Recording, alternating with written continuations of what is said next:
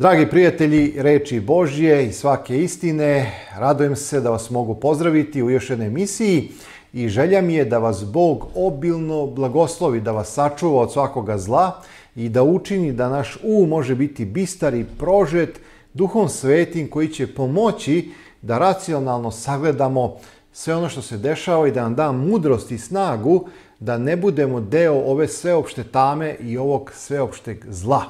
A zlo je zaista složit ćete se sa mnom, veliko. I nažalost ono će da raste sve do onoga dana kada će doći Isus Hristos i učiniti svemu kraj. Biblija jasno kaže i što će se bezakonju množiti, ohladit će ljubav mnogih. Najteže za jednog čoveka koji teži ka Bogu, koji voli Isusa Hrista, jeste da živi u prisustvu onih iz kojih izvire hladnoća, koji čine bezakonje i koji nemaju ljubavi e, Božje. Naime, ovih dana čitam dosta poslanice. Jutro sam pročitao nekoliko fantastičnih tekstova koji su me ohrabrili.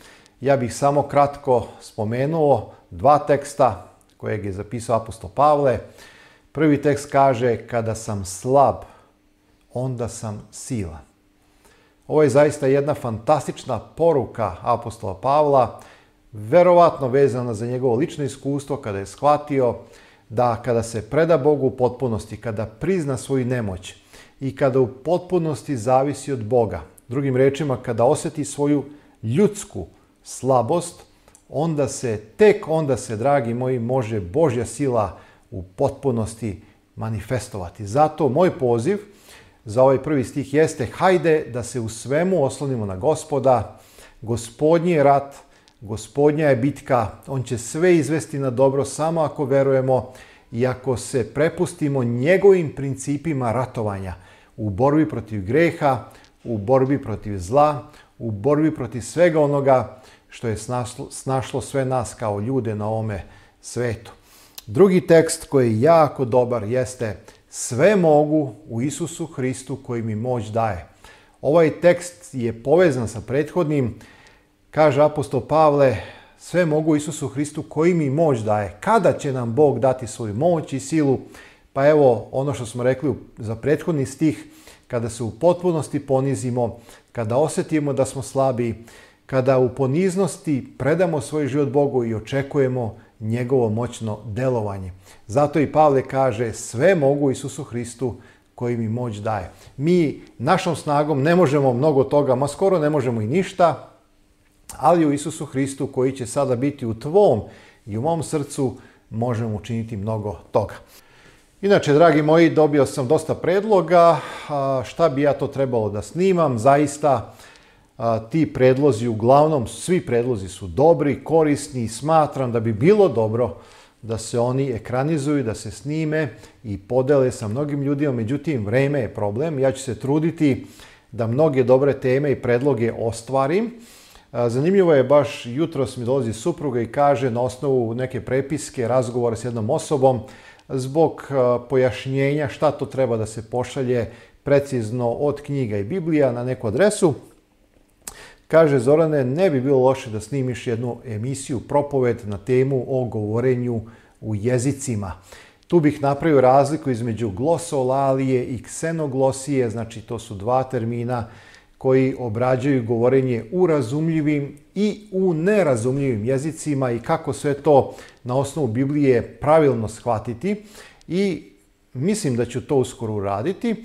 Međutim, nedavno je došlo više predloga na temu vezanu za homoseksualnost, jer je na nekim portalima, u medijima a, izašao jedan članak gde se citira jedan katolički biskup visokog čina ranga, George Bacing, koji je rekao da homoseksualni odnos ne šteti našem odnosu sa Bogom.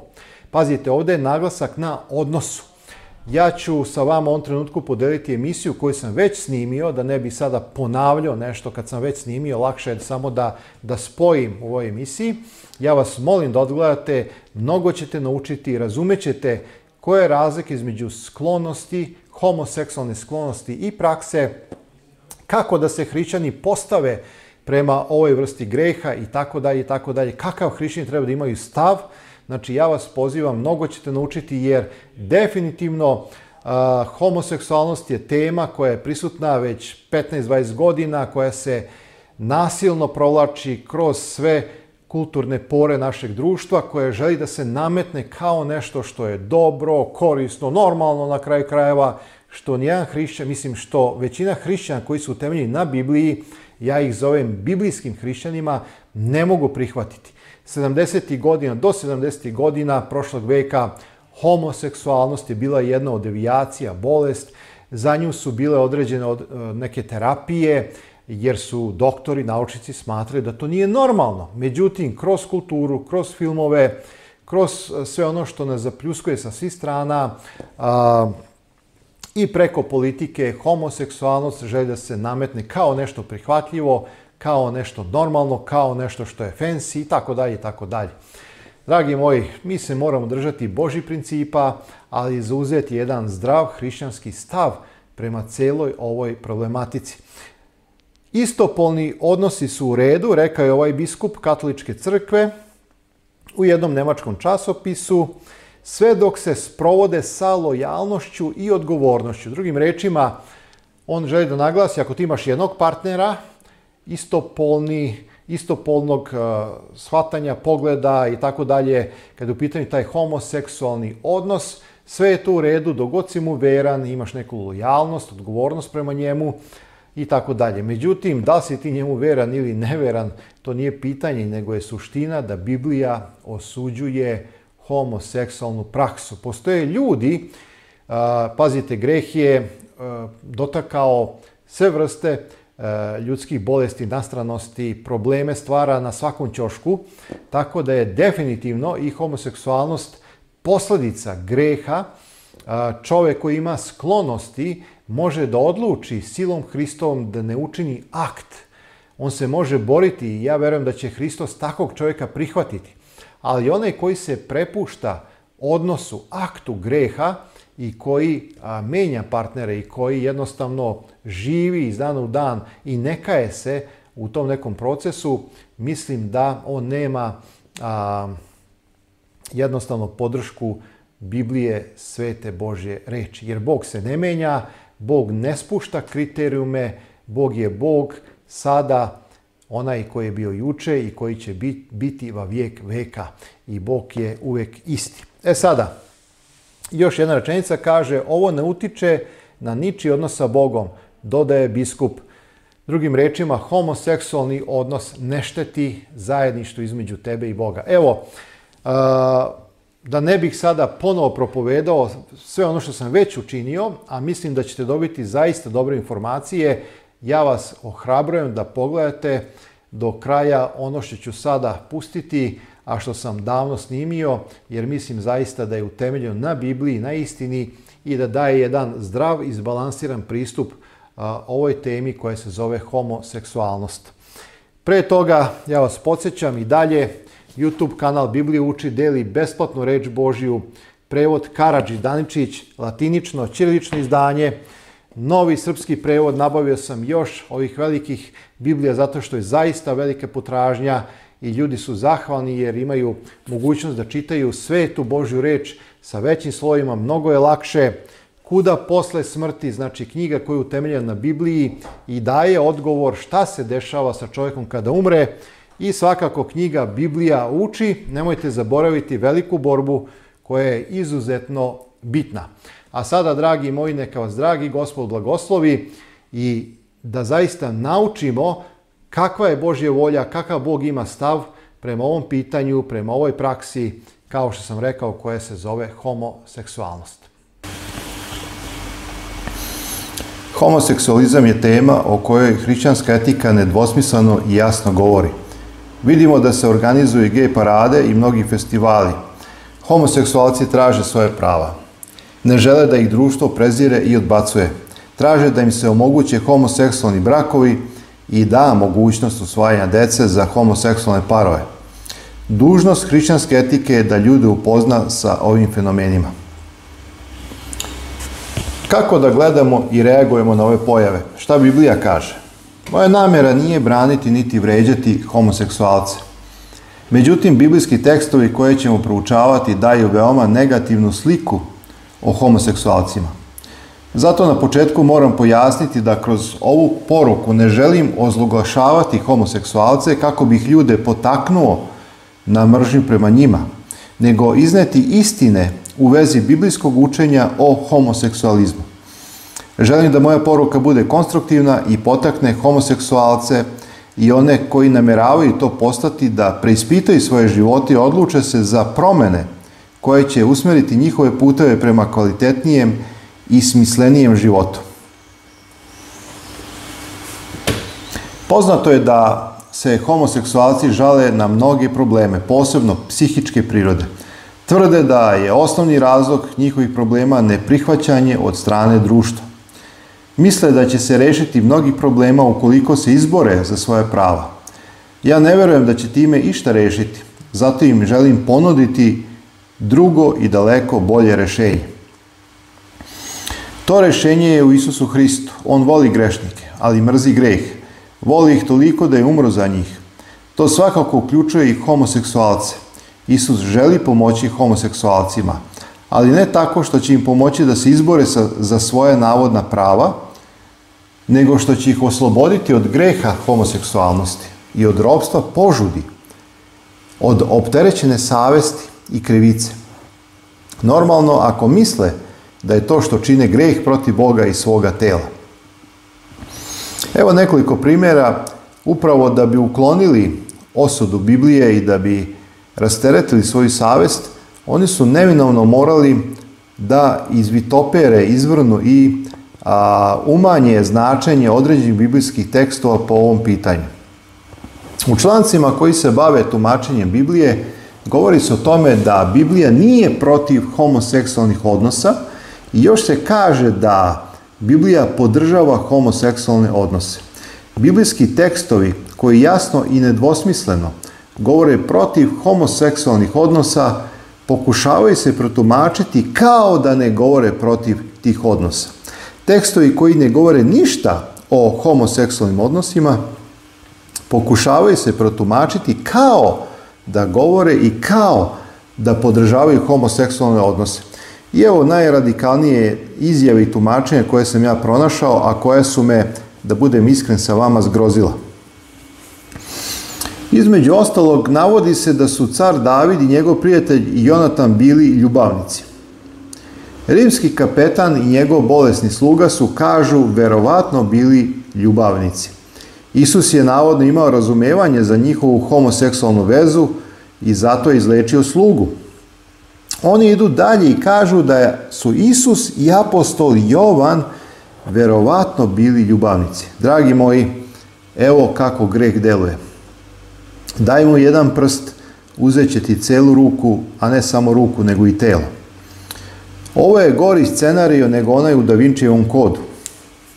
Potrebno je dakle da svima homoseksualcima i onima koji to nisu bude jasno šta stvarno Biblija uči i kakve to ima veze sa njihovim praktičnim životom. Svima treba biti jasno šta Biblija misli o homoseksualcima, kakve pouke i zapovesti ima za sve one koji se smatraju homoseksualcima. Ovo je jedini put da kada homoseksualci shvate šta zaista uči Biblija onako kako to iznosi hrišćanska etika, odluče da promenu svoj način života i čine ono što je Bog ugodno i iscele se od izvitoperene seksualne prakse. Dragi moji, ima mnogo lepih iskustava gde određeni homoseksualci koji su shvatili da je to svetogrđe tela, da je to greh protiv Boga i sebe, da je to nešto što Bog nikako ne može da prihvati. Kada su na osnovu biblijskih tekstova i molitve razumeli koje su posledice, oni su se pokajali, intenzivno se molili, tražili pomoć od Boga I dragi moji, ima mnogo iskustava gdje su sada ti ljudi porodični ljudi koji imaju a, svoju decu, a ne usvojenu i koji zaista žive u određenim blagoslovima. Kakvi su u stvari homoseksualci? Vi znate, dragi moji, da mediji umjesto da informišu, oni manipulišu. Pa i kad je ova problematika, mediji maksimalno koriste svoju moć da izmanipulišu javnost i da predstave homoseksualnost uglavnom kako ona nije. Verovatno ima homoseksualaca koji nalikuju likovima iz filmova i koji su jedno vreme verni svom dugogodišnjem seksualnom partneru. Znate, kao kad je muž vjeran ženi i oni sada žive u nekoj harmoniji. Međutim, čini se da stvarna slika mnogih homoseksualaca više nalikuje ljudima iz Sodoma i Gomore – I evo, pripremite se da vidite sledeću sliku. Evo, ono je, o, ovo je ono što upravo mediji ne prikazuju u velikoj meri, jer znaju da bi ovo izazvalo revolt kod ljudi. I zato ovakve stvari možete uglavnom videti na slikama. Da bih potvrdio ove izjave, izneću neke statistike u vezi homoseksualaca i njihovih međuljudskih odnosa. Statistike se temelje na stručnim izvorima, stručne izvore koje sam koristio stavio sam na kraju ovog predavanja, imate u bibliografiji. Prosečan homoseksualac godišnje ima između 20 i 106 seksualnih partnera. Inače, e, pravim jedno predavanje u kojem govorim o e, eboli, ejcu, sifilisu i tako dalje, posledicama raznih bolesti koje nastaju upravo seksualnim činom u, kod homoseksualaca. Jedna studija je pokazala da je 43% ispitanih homoseksualaca izjavilo kako je imalo 500 ili više seksualnih partnera u životu. Ako je u pitanju muškarac i muškarac, kako oni mogu imati seksualne partnere kad je Bog određene polne organe kod muškarca i žene stvorio za savršenu namenu i svrhu? Vi znate onda u kom pravcu ovo ide sama činjenica i pomisao na ovo govori da tu već je prisutna jedna vrsta, da se izrazim, bolesti. 28% izjavilo da su imali 1000 ili više seksualnih partnera u životu. 79% od svih ispitanih je izjavilo da su 50% njihovih seksualnih partnera bili totalni stranci. Znači ono prvi put se vide nikad više. Mnogi homoseksualni odnosi se dešavaju pod uticajem alkohola, droge ili homoseksualnih orgija. Jedan njurški sudija je izjavio da su homoseksualci odgovorni za 50% ubistava u većim gradovima i mnogo drugih statistika koje ne idu u prilog homoseksualcima. Evo još jedne gore stvari po meni. Mnogo gore. Danas postoje homoseksual, homoseksualni pokreti koji zagovaraju da se pedofilija proglasi normalnom seksualnom orijentacijom, odnosno da se ne smatra psihološkim poremećajem.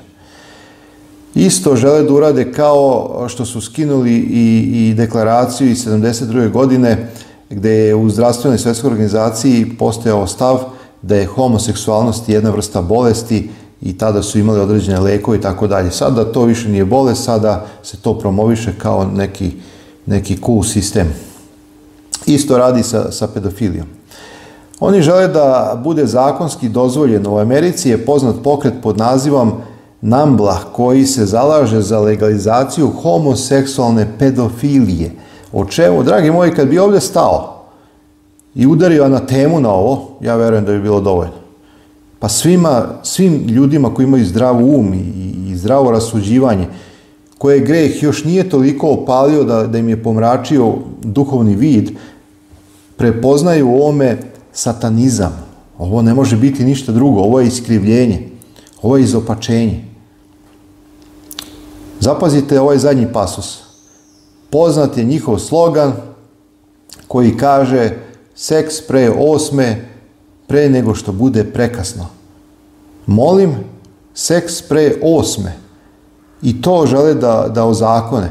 I to žele da Pa vidite, dragi moji, da živimo u svetu koji je poludeo.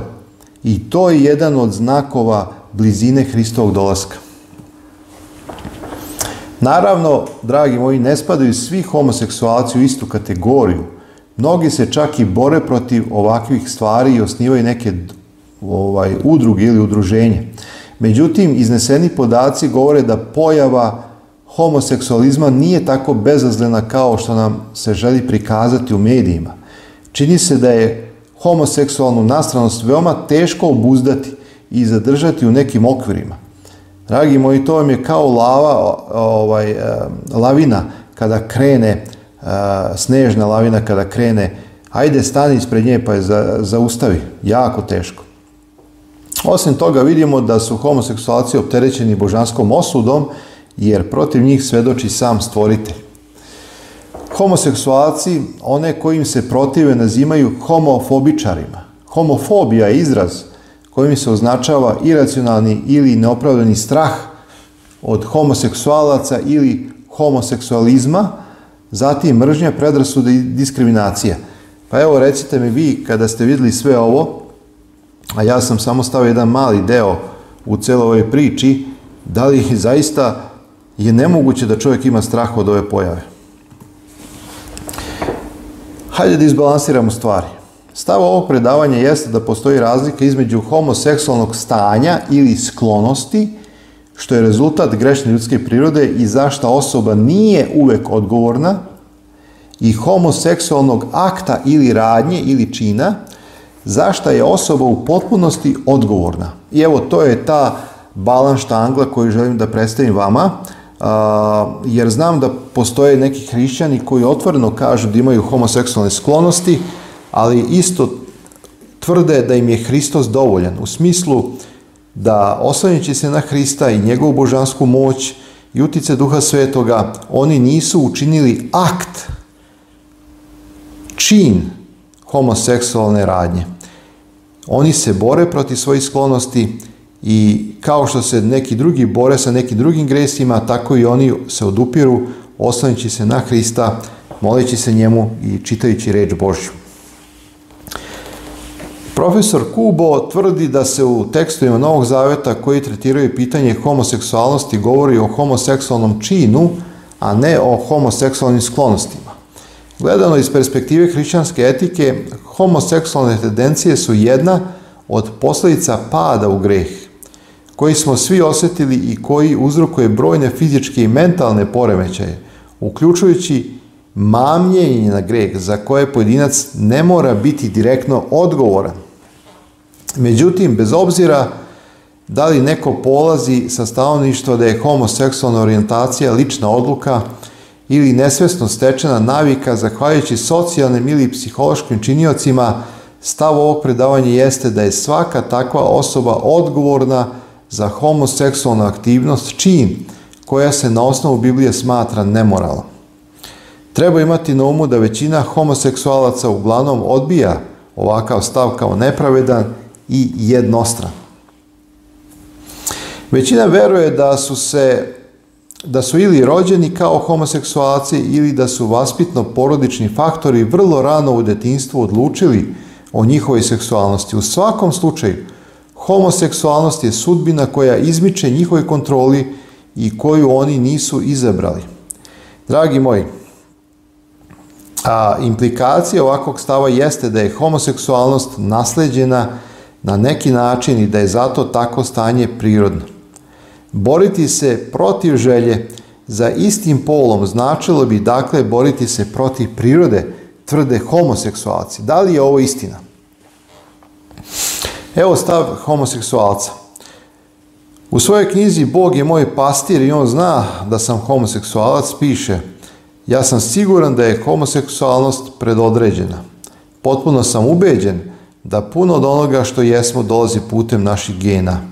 Da li je moguće naslediti homoseksualnost, naime postati homoseksualac genetskim putem? Evo da ulazimo polako u neke, neke naučne činjenice. Dokazi da postoji homoseksualni gen su sve brojni, poručuje renomirani magazin. Da li istraživanja zaista potvrđuju da je uzrok homoseksualne orijentacije biološke, a ne duhovne prirode? Da li je biblijski naglasak na grešnosti homoseksualnosti samo loša interpretacija Biblije od strane konzervativnih hrišćana? Da li su reč Božja i moderna nauka u suprotnosti jedna sa drugom kada je reč o uzroku homoseksualnosti? Jedno od najpoznatijih istraživanja u vezi sa biologijom homoseksualnosti urađeno u Kaliforniji 1991. godine. Vođa grupe naučnika koji su vršili to istraživanje Levej ispitivao je mozak 35 muškaraca, 19 homoseksualaca koji su svi umrli od AIDS-a i 16 heteroseksualaca od kojih je šestoro umrlo od AIDS-a. U svom istraživanju Leve je pronašao da mozgovi heteroseksualnih muškaraca imaju izvesno zadebljanje, to jest veći broj moždanih ćelija u jednom specifičnom području mozga, što navodno uzrokuje heteroseksualno opredeljenje. Nedostatak ovog zadebljanja utvrđeno je kod svih 19 homoseksualaca. Istraživanje je tako izvelo zaključak da postoji biološko-genetski uzrok homoseksualnosti. Međutim, dragi moji, ovo zdrav razum ne može prihvatiti i vrlo brzo ovo je oboreno. Evo, zapazite, koji je bio odgovor. Mnogi drugi stručnjaci, kao i lajici, primećuju da to istraživanje ni na koji način ne ne stvara uzročnu vezu između funkcije mozga i homoseksualne orijentacije. Čak i sam Levej, znači naučnik, priznao da je cilj njegovog ograničenog istraživanja više da podstakne dalje ispitivanja. Broj uzroka je mali, 35, da bi se došlo do nekog konačnog zaključka o uzrocima homoseksualnosti. Isto tako moguće je da je AIDS bio jedan od uzročnika prema zaključcima tog istraživanja. I evo da sumiramo. Fiziološki govoreći, moguće je i to da je homoseksualno ponašanje u stvari bilo uzrok, a ne posledica razlike u, konfugu, u konfiguraciji mozga. Dakle, odnos između zadebljanja u mozgu i seksualnog ponašanja je još uvek e, bez e, određenih rezultata. Evo sledeće istraživanje. Drugi pristup proučavanju genetske osnove homoseksualnosti je posmatranje slučajeva homoseksualnog ponašanja kod blizanaca.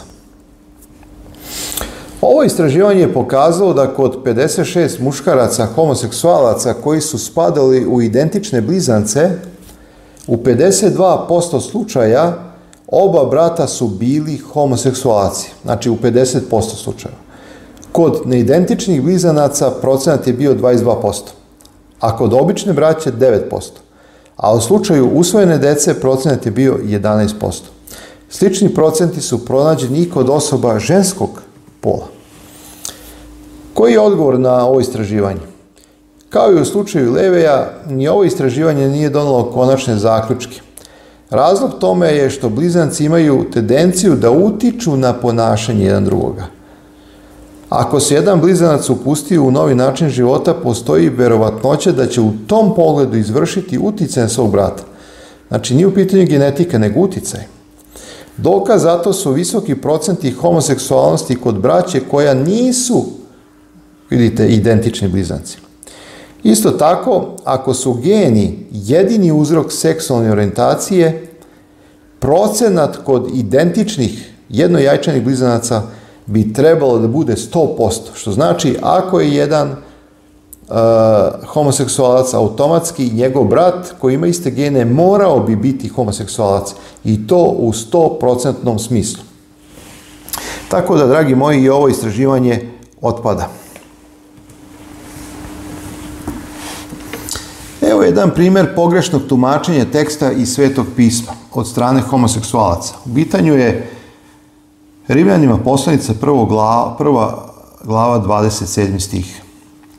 Tako i ljudi ostaviše putno upotrebljavanje ženskog roda, raspališe se željom svojom jedan na drugoga i ljudi s ljudima činjahu sram. E, mnogim hrišćanima je jasno da ovaj tekst govori protiv homoseksualne praksi i orijentacije, međutim, oni su izvrćanjem, a, indoktrinacijom ovog teksta a, pokušali da dokažu da ovaj tekst podržava homoseksualnu praksu. Evo kako to izgleda. Odgovor većine hrišćanskih homoseksualaca na ove i druge biblijske stihove koji osuđuju praktikovanje homoseksualnosti glasi da to nema nikakve veze sa njima. Homoseksualna hermeneutika shvata da se ovi tekstovi odnose na one koji žive u neprirodnom homoseksualnom odnosu, Moj komentar znači za njih ima i prirodan. Hajde da vidimo koji je to prirodan homoseksualni odnos koji Biblija podržava. Zatim, praktikuju kultnu homoseksualnu prostituciju ili je pak reč o preljubočinskom homoseksualnom odnosu. Moj komentar, ako si veran homoseksualac svom partneru, znači da je to u redu po njima. Hajde da vidimo dalje. Prvi argument se zasniva na pretpostavci da osim kod onih koji su odlučili da eksperimentišu sa homoseksualnošću, što je neprirodna aktivnost, ova seksualna orijentacija je okarakterisana u Bibliji kao prirodna, tvrde oni. Po njima, dokaz je tekst u Rimljanima 1.26 koji govori o putnom ili prirodnom i besputnom ili neprirodnom ponašanju. Kao što je heteroseksualnoj osobi prirodna heteroseksualnost, Tako je homoseksualnoj osobi prirodna homoseksualnost. Niko ne može očekivati pa ni Bog da osoba promeni svoj identitet. Ono što Biblija osuđuje jeste eksperimentisanje. Znate, drugim rečima, ako imaš više partnera, ako činiš preljubu svome partneru, ti možeš imati homoseksualne odnose, to je prirodno, to je Bogom dano i tako dalje. Uh, ajde da vidimo koji je odgovor. Ovaj argument naravno ne proističe iz biblijskih tekstova, već iz njihovog tumačenja onoga što Biblija ne govori ili ne uči. Rimljanima 1.27 jasno kaže da su ljudi ostavili putno upotrebljavanje ženskog roda. Znači, prirodno upotrebljavanje ženskog roda su ostavili ljudi. To je ono što je Bog namenio za muškarce da se upotrebi prirodno upotrebljavanje ženskog roda. A ovde Pavle kaže da su ljudi ostavili prirodno upotrebljavanje ženskog roda, tako i ljudi ostaviše prirodno upotrebljavanje ženskog roda, raspališe se željom svojom jedan na drugoga i ljudi s ljudima činjahu sram. Vidite, dragi moji, da je uvijek potrebno pročitati ceo biblijski tekst u njegovom datom kontekstu da bismo razumeli poruku. Zaključak koji proizilazi iz ovog stiha jeste da je putna ili prirodna seksualna orijentacija heteroseksualna. To je onaj moment kada je Bog na početku stvaranja stvorio Adama i Jevu, a ne Adama i Stevu. Znači, muško i žensko je stvorio i dao im je sposobnost prokreacije. Znači, muškarac ima muški polni organ, ima spermatozoide, žena ima a, ženski polni organ i ima jajnu ćeliju i kada se muškarac i žena spoje i kada planiraju da imaju dete, to se zove prokreacija i to je prirodno i to je Bogu ugodno. A ovo je, dragi moji, ludost. Gde će muškarac da stavi svoj polni organ drugom muškarcu? Pa ljudi moji, ima svaki ud za slavu i za sramotu to je zvitoperenje, to su budalaštine, izvinjavam se što ovako kažem, ali sam prosto, žao mi, ajde da kažem, žao mi je što su ljudi toliko oboleli umno i toliko ih je greh uništio. Da mogu da tvrde čak na osnovu Biblije, da Biblija podržava njihovu homoseksualnu nastranost. Besplatna ili neprirodna seksualna orientacija jeste homoseksualna orijentacija, a to je seksualni odnos muškarca sa muškarcem ili žene sa ženom. Evo, iznosim pred vas prevod, savremeni srpski prevod, zapazite kako to fino zvuči. I mislim da je ovde sve jasno, osjećam uh, da bi bilo previše kada bi se posle čitanja ovog teksta upustio u dodatno tumačenje, smatram da je tekst veoma jasan, a vi ćete doneti sud. Zato ih je Bog u požudama njihovog srca prepustio nečistoti da među sobom obeščašćuju svoje tela. Oni su lažju zamenili Božju istinu pa su slavili i služili onome što je stvoreno, a ne stvoritelju koji je blagosloven do veka. Zbog toga ih je Bog prepustio njihovim sramnim, sramnim strast, strastima. Danas ljudi imaju parade i diče se i ponose, a Biblija kaže da je to sramno. Njihove žene su prirodno polno opštenje zamenili neprirodnim. Tako su i muškarci napustili prirodno opštenje sa ženom i izgarali od požude jedan za drugim. Muškarci su sa muškarcima činili sramna dela i na sebe navuki zasluženu kaznu za svoju zabludu. Pošto spoznaje Boga nisu smatrali vrednim, Bog ih je prepustio njihovom izopačenom umu – da čine ono što je nedolično. Zato, dragi moji, jedino rešenje je Hristos koji duhom sveti može isceliti ovaj izopačeni um i učiniti da čovek ne živi u sravnim strast, strastima, nego da živi u blagoslovima Božjim. Druga tvrdnja homoseksualne hermenutike jeste da ono što stari zavet osuđuje jeste takozvana kultna homoseksualna prostitucija. To je ono što sam rekao, dragi moji, Oni kažu ono što je bilo kultno, gde su bile orgije, gde e, jedan homoseksualac nije veran svom partneru i gde ima seksualne odnose sa stotinama drugih, to je ono što osuđuje Biblija, a ne kada si veran, kada si veran svome partneru. Međutim, a, u trećoj Mojsijevoj, evo ovdje imate 20. glavi 13. stih, Biblija kaže, ko bi muškarca obležao kao ženu, učiniše gadnu stvar, obojice da se pogube. Znači, homoseksualni čin u Starom Zavetu je bio okarakterisan kao jedan težak greh koji je zaslužio smrt, a danas se ljudi time ponose i žele da nametno i nama koji imamo tradicionalne vrednosti, porodične vrednosti, da je to nešto prihvatljivo. Pa nikada to ne može biti prihvatljivo u, u tradicionalnim krugovima i na osnovu Biblije, koliko god se oni trudili. Ali mi je žao što današnje hrišćanstvo ne daje veći otpor ovim nastranostima i što ne pro, promoviše biblijske vrednosti, etičke vrednosti u društvu i dopušta da se ova druga strana više ispoljava. To je ono što je žalostno. Hajde da vidimo biblijski stav za kraj. Ono što niko ne može da negira jeste da Biblija vrlo jasno i direktno i nepromenjivo ima stanovnište kad je u pitanju homoseksualno ponašanje.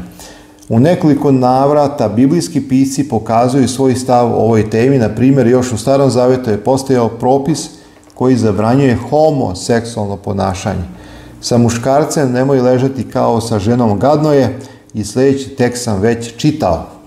U 1. Korinčanima 6. glavi Pavle kaže ili ne znate da nepravednici neće naslediti carstvo Božje.